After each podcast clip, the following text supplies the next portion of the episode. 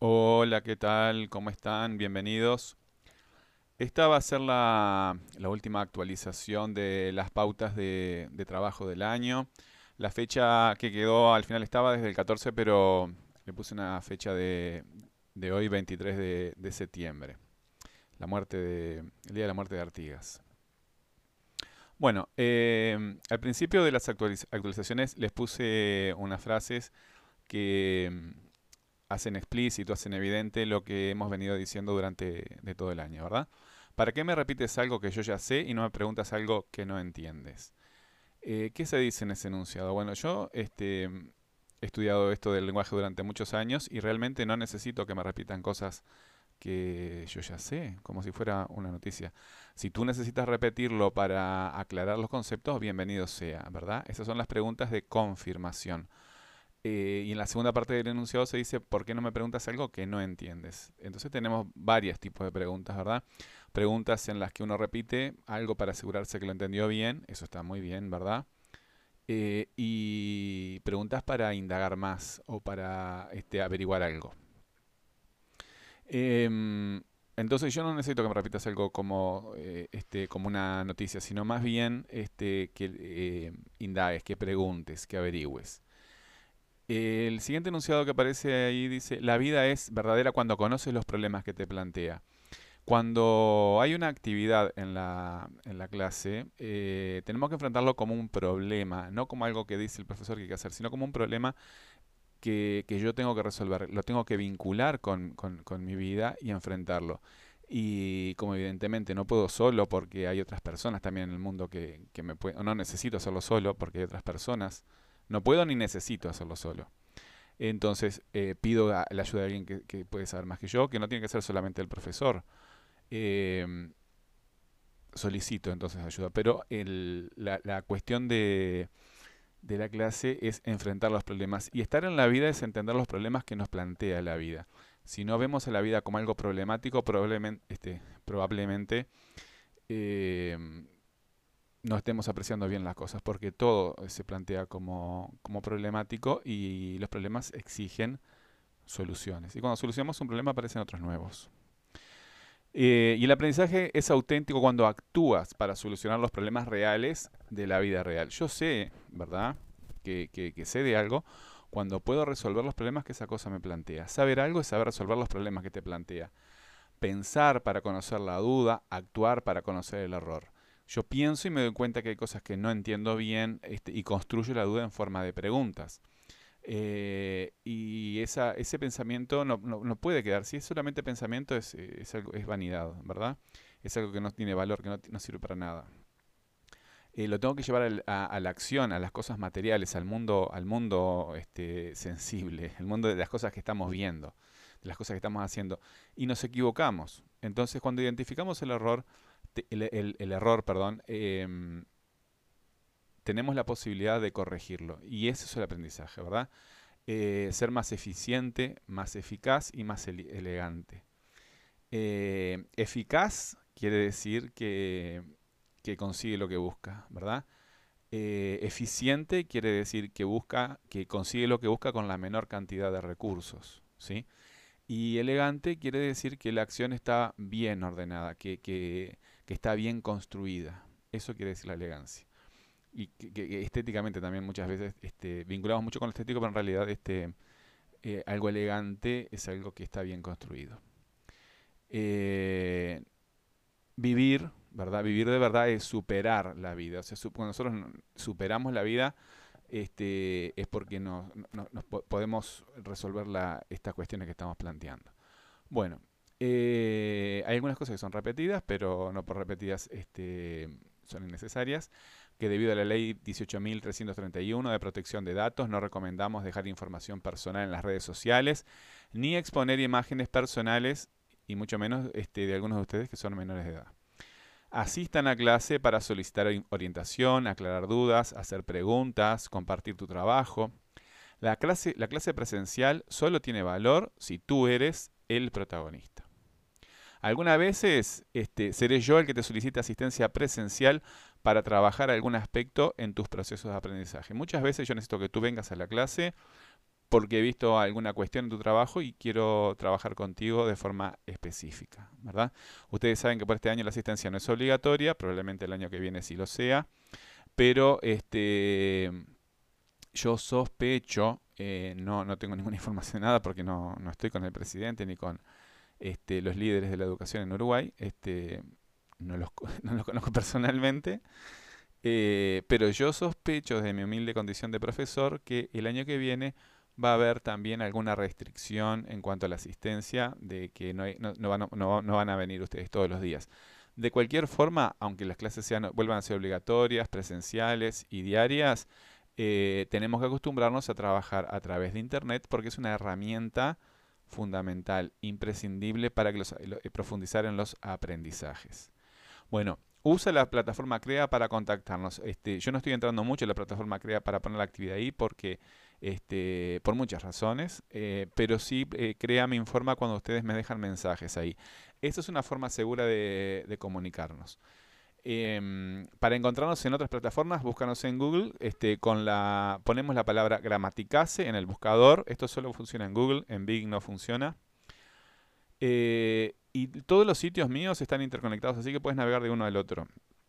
Eh, tenemos que aprender a, hacer esa navegación de forma cómoda porque así va a ser mucho más fácil, ustedes se van a adaptar, a los que les gusta escuchar audios, escuchan audios, los que les gusta ver videos, ven videos, los que les gusta además leer, leen, etcétera. Hay, y muchos otros que están acá en, esta actualización que les estoy mandando, que no los hemos utilizado mucho. Algunos de ustedes sí los, han utilizado, se, avivaron y lo utilizaron, pero no, este, no lo hemos utilizado de forma masiva. Eh, tal vez el año que viene sí, o sea, tal vez no, probablemente voy a hacer este, todo lo posible en el caso de, de, por ejemplo, los recursos de tarjetas electrónicas este, y de mapas, mapas mentales. este, los angloparlantes les llaman este, mapas mentales, en inglés, ¿no?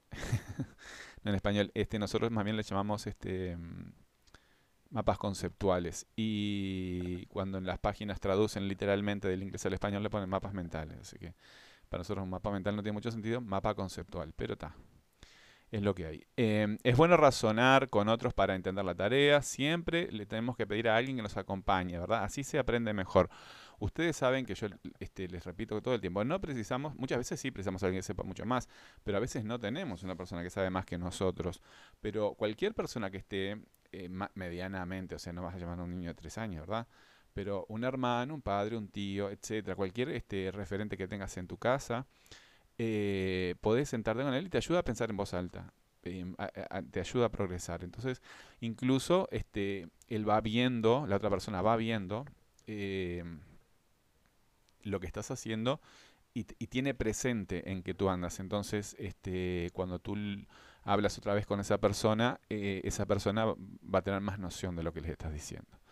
Eh, se va construyendo una cultura, ¿verdad? Bueno, recuerda que esta materia consiste en investigar, en crear dudas, preguntas, consultas y diálogo, a partir del cual se construyen este, proyectos de lectura y de escritura, porque eh, aunque siempre estamos recordando que las cosas tienen que ser prácticas, eh, leer también es una actividad y escribir obviamente es una actividad. Claro que para nosotros lo más importante es eso, ¿verdad? Comprender los textos escritos y producir textos escritos. ¿Por qué tanta, tanto este, subrayar tanto sobre textos escritos y no tanto sobre los orales? Porque la persona que escribe bien, o sea, que tiene una cultura escrita de lectura y de escritura bastante importante, eh, altera su forma de, de hablar y en general habla de una forma muchísimo más ordenada. Eh, no quiere decir que las personas que lean poco este, sean eh, menos ordenadas, pero en general las personas que tienen mucha lectura y mucho hábito de escritura em, hablan por lo menos desde el punto de vista del orden y la estructura de las ideas, de lo que se quiere decir, de una forma mucho más ordenada. Bueno, ordena y presenta tus dudas en forma de preguntas basadas en tus apuntes y experiencia de aprendizaje, ¿verdad? Estás trabajando, por ejemplo, en la clase o en tu casa, donde sea, y generas apuntes, ¿verdad? Y eh, tienes los apuntes y también una experiencia de aprendizaje. Entonces, en función de esos apuntes que tienes y en función de tu experiencia de aprendizaje, vas este, a, presentar tus dudas en forma siempre de preguntas. Porque el que pregunta está evidenciando un razonamiento interno, está generando un razonamiento interno que eh, no solamente lo habilita, sino que lo ayuda muchísimo más a aprender, aprender cosas, aprender cosas significativas, cosas que tienen sentido. Las consultas y tareas deben dirigirse, ustedes saben, al correo alconatus.gmail.com con nombre, apellido, grupo y número de la tarea. Chiquilines, es obligatorio informar de actividad una vez por semana, ¿verdad? No, no, eh, eh, algunos de ustedes capaz tengan que mandar 20, 30 tareas todas juntas. Si tú fueras el profesor y un estudiante este, te manda 30 tareas este, una vez cada tres meses, em, bueno, ponte en el lugar del profesor también. Aunque estés atrasado, no corras para cumplir tareas. Busca dificultades, errores, problemas, cosas que no entiendes bien, pregunta, observa, reflexiona, organiza la información, formula teorías, busca una aplicación práctica en la vida real. Práctica en la vida real es redundante, pero hay que, hay que ser redundante. Yo ya este, lo tengo clarísimo eso, que hay que ser muy redundante. Este, hay que ser redundante de una forma elegante también, pero este, hay que ser redundante y hay que repetir muchísimo las cosas y buscar distintas formas de decir lo mismo. Busca una aplicación práctica en la vida real a lo que aprendes. Corrige errores y practica. Vuelve a buscar más dificultades, más errores, más problemas, más cosas que no entiendes bien. Vuelve a practicar. Al final de cada tarea, contesta, esto es importantísimo, no lo están haciendo. Eh, al final de cada tarea, contesta estas tres preguntas y me lo mandas con el trabajo, ¿verdad? Yo quiero ver, ¿qué aprendí? ¿Qué hice para aprenderlo y qué puedo mejorar? Algunos de ustedes sí lo están haciendo, pero son muy pocos, ¿verdad? Eh, yo quiero ver eh, al final de los trabajos una reflexión en la que se, evidencie que vos te das cuenta qué es lo que estás aprendiendo, este, que te des cuenta qué hiciste qué cosas haces para aprender y cómo puedes mejorar, ¿verdad? En algún aspecto. Los trabajos se presentarán preferentemente convertidos a PDF, siempre este, los estoy ayudando con eso, algunos ya no tienen ningún problema, este, quedan unos pocos que todavía no, no, se acuerdan de convertir a PDF, pero el convertir a PDF, ¿por qué? Porque el PDF es más fácil de, de manipular y de archivar. Enviar solo la actividad realizada por el estudiante. No es necesario remitir también la propuesta. Muchos de ustedes me mandan toda la actividad y al final, chiquito, este, toda la, propuesta mía y al final el, trabajito. No, son 20 hojas y, y ¿qué me puedes mandar una? No. Me, mandas este, toda la información, tu nombre, tu apellido, el grupo, etcétera, el número de la tarea y tu actividad, punto. Yo ya sé. Y muchas veces no me acuerdo, como dicen tarea 20, que era la 20, voy y me fijo. Yo tengo abiertas las páginas ahí y me fijo cuando estoy corrigiendo acá en, casa en la computadora. Me gusta corregir acá en el software porque tengo una pantalla grande que puedo ver este, mucho mejor que corregir en el celular o, este, o en el apuro de la clase. No, no se puede corregir con el necesario detenimiento. La clase es para que el profesor te, dé lo que, lo, que que tú necesitas este, y tú preguntes lo que tú necesitas, ¿verdad? La, actividad en sí es una excusa para que tú vengas a la clase a, interactuar conmigo en relación a las cosas que, en las que quieres que te ayude. La actividad es solamente una parte, no es eh, trabajar como un robot. Eh, somos seres humanos que encontramos dificultades y pedimos ayuda a los demás. Bueno, mantenemos el cuaderno al día para ser calificado. Cuando tomes información de una fuente debes apuntar. En el caso de los libros, autor, año de publicación, título editorial y país o ciudad. En el caso de las páginas web, autor, título, sitio, URL, fecha de publicación y fecha en que tú la visitaste. Todo esto es por las fuentes. Como ustedes están eh, construyendo sus textos a partir de, fuentes, ¿verdad? Eh, tenemos que dejar en claro el, el, dato ese de dónde lo estamos sacando. Si la información proviene de otro recurso, recurso es el objeto del cual extraemos. Puede ser un texto, puede ser una página web, puede ser una encuesta, puede ser este, que hicimos nosotros o que encontramos eh, realizada por esas personas eh, etcétera. Una conversación que tuvimos con algún experto, una consulta que hicimos con, algún experto, con algún profesor, etcétera, etcétera, etcétera. La información tiene infinitas, este, no infinitas, pero muchísimas formas de, llegar a nosotros. Bueno, A todas esas formas eh, le llamamos recurso, ¿verdad? Si la información proviene de otro recurso, debe registrar todos los metadatos que permitan eh, eh, localizarlo, describirlo, comprenderlo, utilizarlo y archivarlo. Metadatos, este, ustedes tienen las clases ahí lo que son los metadatos, está en el TikTok también, pero es todo lo que nos permite el título, el autor, etcétera. Toda esa información acerca del texto, toda esa información acerca del recurso, de la, de la información, se llaman metadatos, ¿verdad? metadatos. Por ejemplo, el título, el autor, eh, si es un formato físico, si es un formato informático, etcétera. ¿Verdad? Esos son los metadatos. Bueno, cualquier cosa, ustedes saben, están las clases para... Importante, debes presentar tres proyectos de escritura de forma obligatoria durante el curso. Tus proyectos de escritura deben tener el buen fundamento que proviene de una investigación. No seas copy-pastero. Copy-pastero es eh, en inglés, ¿verdad? Copy and paste, este, copy, copiar y paste, pegar, ¿verdad? No. Eh, toda la información que manejamos este, es social y la hemos absorbido de, las fuentes, ¿verdad? Pero cuando nosotros hablamos y producimos un texto, nos comprometemos con ese texto. O sea, aunque no seamos el origen este, el origen de la información, porque siempre estamos tomando, incluso las palabras que salen de la boca, esta misma que, estoy, hablando ahora, son palabras que yo aprendí cuando era. Este, no son mías las palabras que uso, son de la, de la lengua, son de, las, de la cultura hispánica en general.